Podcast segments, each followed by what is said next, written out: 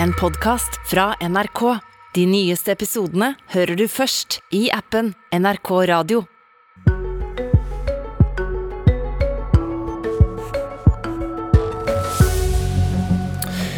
I disse dager er politikken nesten grenseløs. Statsministre som forteller deg hvor mange du får ha på besøk hjemme for å stanse smitte. Og som deler ut milliarder for å redde arbeidsplasser. Blir dette slutten på liberalisters rop om grenser for politikk? Hoderistende liberalist møter sosialist. Velkommen til Politisk kvarter. Sosialisten og liberalisten må vente litt, for vi begynner med strømkrisa. Og det handler om politikk som setter grenser.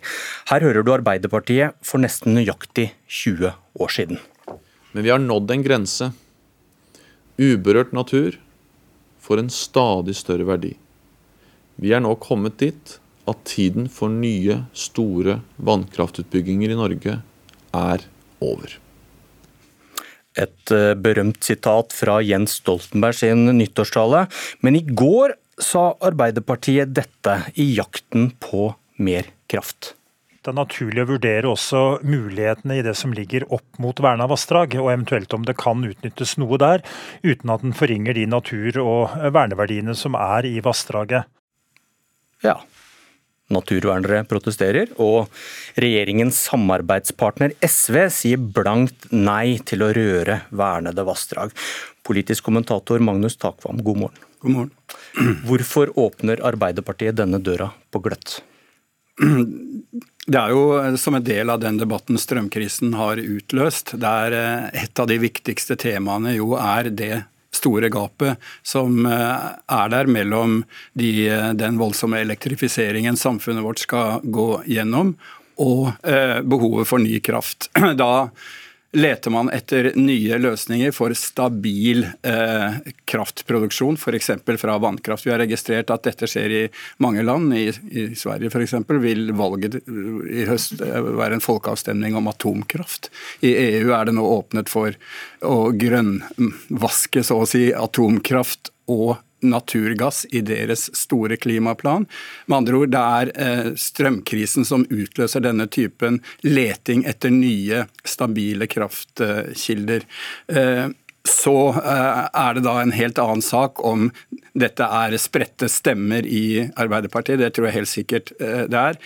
Og om regjeringen og partiet som sådan kommer til å lande på dette, det, det tviler jeg for min del på, i hvert fall usikkert der. Altså, en, en, annen debatt er frykten for at vi ikke har nok kraft til elektrifisering av sokkelen av oljeplattformene for da å få ned klimagassutslippene. Hvor, hvor kommer disse protestene fra?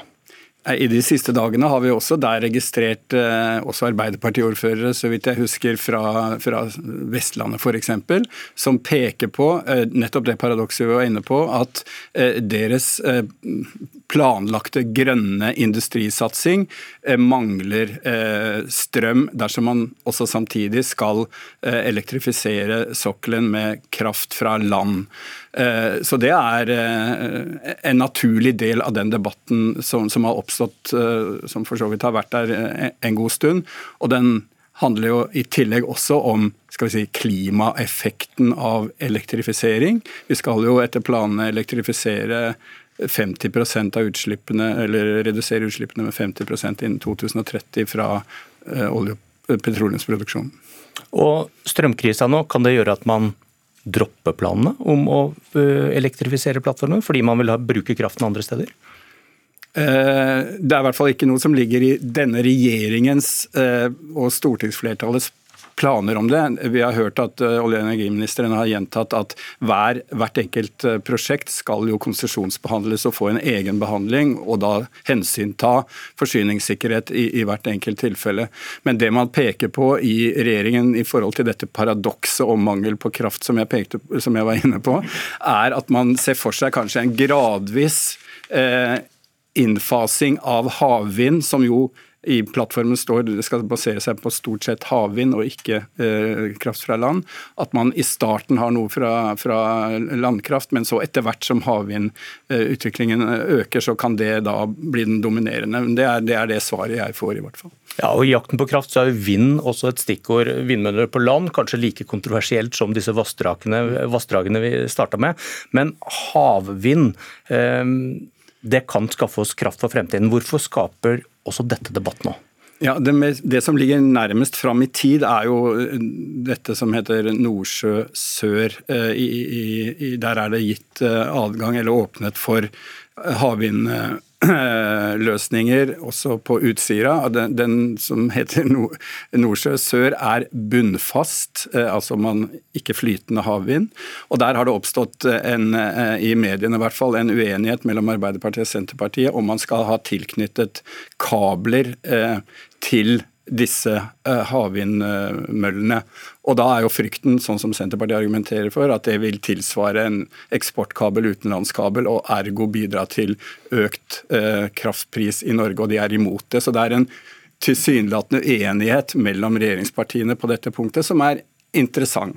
Men har ikke Senterpartiet rett når de peker på regjeringsplattformen de har forhandlet fram, hvor det står at vi skal ikke ha noen flere utenlandskabler? Jo, da er premisset at man sidestiller utenlandskabler med det, man, med det, nettverket av kabler som eventuelt knytter seg til disse havvindprosjektene. Og det er f.eks. Arbeiderpartiet og, og Høyre osv., tror jeg, flertallet ikke enig i. Det er snakk om både langt min, eller mindre dimensjon, altså effekt eksportmulighet i disse kablene. De er mindre dimensjonert. Og det er også en forutsetning, peker de aller fleste aktører på, at skal disse være kommersielt drivverdige og altså ikke være avhengig av subsidier fra staten, så må man ha adgang til en viss eksport også til kontinentet eh, eh, for at de skal være kommersielt eh, oppe og gå. Et batteri av ulike debatter, et smørgassbord av konflikter både mellom SV og internt i regjeringen. Hvor tror du flertallet vil ligge i framtida når man skal lande på hvordan Norge skal skaffe seg mer kraft? Det er eh, altså det er kryssende konfliktlinjer her. Vi har jo en konfliktlinje som, som går mellom SV for eksempel, og skal vi si, store deler av miljøbevegelsen, som vil skåne naturen og, og, og være forsiktig med, med, med vindmøller, også særlig, særlig, på land. Eh, sånn at dette er sprengkraft i, i mange år politisk for, for eh, både denne regjeringen og eventuelt eh, nye. Og, og, vil være en hovedutfordring for i det hele tatt å greie det man med store ord kaller det grønne skiftet, som krever eh, ny, ny, kraft. Takk, Magnus Takvam.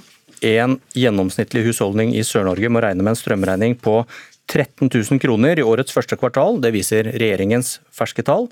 Vanlig strømregning i samme periode er på om lag 7000 kroner.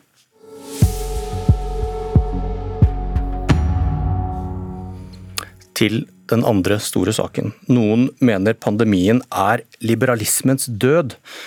Men her sitter du lys levende, Sondre Hansmark. Velkommen. Takk skal Du ha.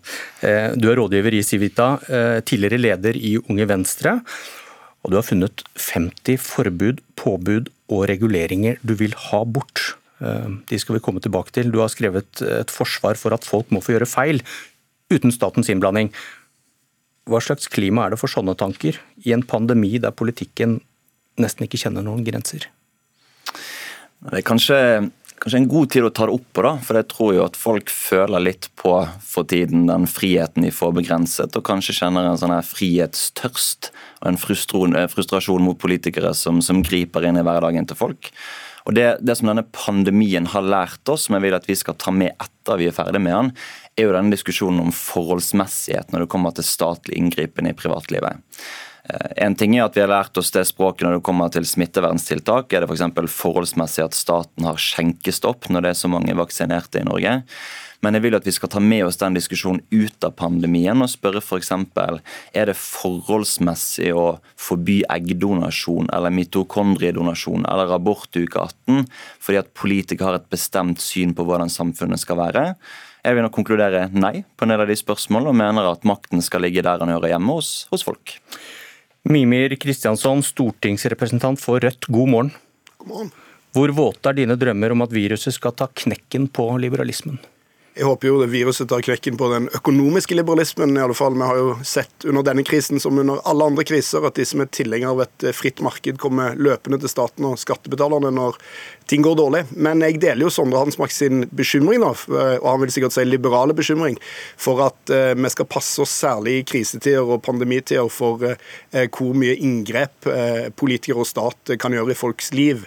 Men det som er den grunnleggende uenigheten her, tror jeg, det er det at altså, hvis du ser på folk i Norge og folk i USA, så er jo folk i Norge i mine øyne friere enn folk i USA. Og det er til tross for at folk i USA får lov til å ha flammekaster hjemme, og Joe Exotic kan åpne tigerdyrehage uten at noen legger seg opp i det. Sånn at flest mulig reguleringer i et samfunn betyr ikke nødvendigvis mest mulig ufrihet. Og hvis du tenker på arbeidslivet, et av de forbudene Hansmark vil fjerne, er jo eh, forbud mot søndagsåpne butikker. Så vil jo de fleste som har jobba i en butikk, vite at det fratar de frihet om den reguleringen, det forbudet blir fjerna, fordi de tvinges tvinges til å jobbe mer, miste fritid, miste de mulighetene de har til å ha fri med familien sine. Sånn at en del forbud og reguleringer er det gode begrunnelser for, og det er ikke noe automatikk i at minst mulig politikk i et samfunn betyr at folk er mest mulig fri. Hva sier du til det? Forbud gir frihet, i motsetning ja, altså, til eh, dine, mange av dine 50 punkter? da? Noen, noen forbud kan jo godt gjøre det, og så ikke så veldig bekymret for liberalismens vegne. Det er jo tross alt ideologien som vant, som ga oss tros-, ytrings- og tankefrihet, som har gitt oss en rettsstat, som har gitt oss en markedsøkonomi med velstandsvekst. Eh, men problemet til Rødt og problemet til Kristiansson er jo at hvis man ser verden på den måten som de gjør, gjennom et sett med kommunistiske briller, så deler man folk inn i klasser, i grupper i nasjoner, og Da blir ikke enkeltindividets valgfrihet så viktig oppi det hele. Og jeg mener f.eks. at Muligheten til å kunne handle på søndag er jo en individuell rettighet som vi burde ha.